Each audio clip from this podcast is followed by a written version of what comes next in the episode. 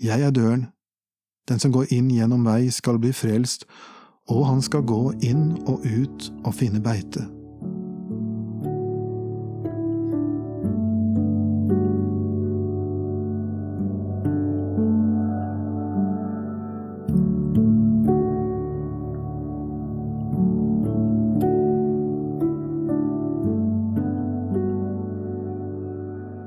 For noen år siden talte jeg om den gode hyrde i Johannes 10, mens vi var på misjonstur med bibelskolen til Albania. Misjonæren der nede kunne etterpå fortelle noe jeg ikke visste, om sauehold både i Albania og landene omkring. I eldre tider var det ikke uvanlig at hyrden satt og sov i åpningen i gjerdet inn til sauene. Han var sin egen døralarm Ingen kunne snike seg inn til sauene uten at hyrden selv ble vekket.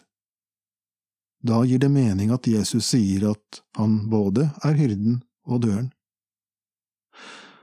Men Jesus sier at han også er en dør å gå gjennom. Det er et av de fineste versene i Johannes 10. Jeg er døren. Den som går inn gjennom meg, skal bli frelst, og han skal gå inn og ut og finne beite.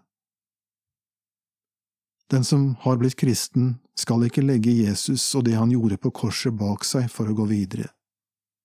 Nei, daglig kan han gå inn og ut gjennom Jesus, for det er slik han finner beite.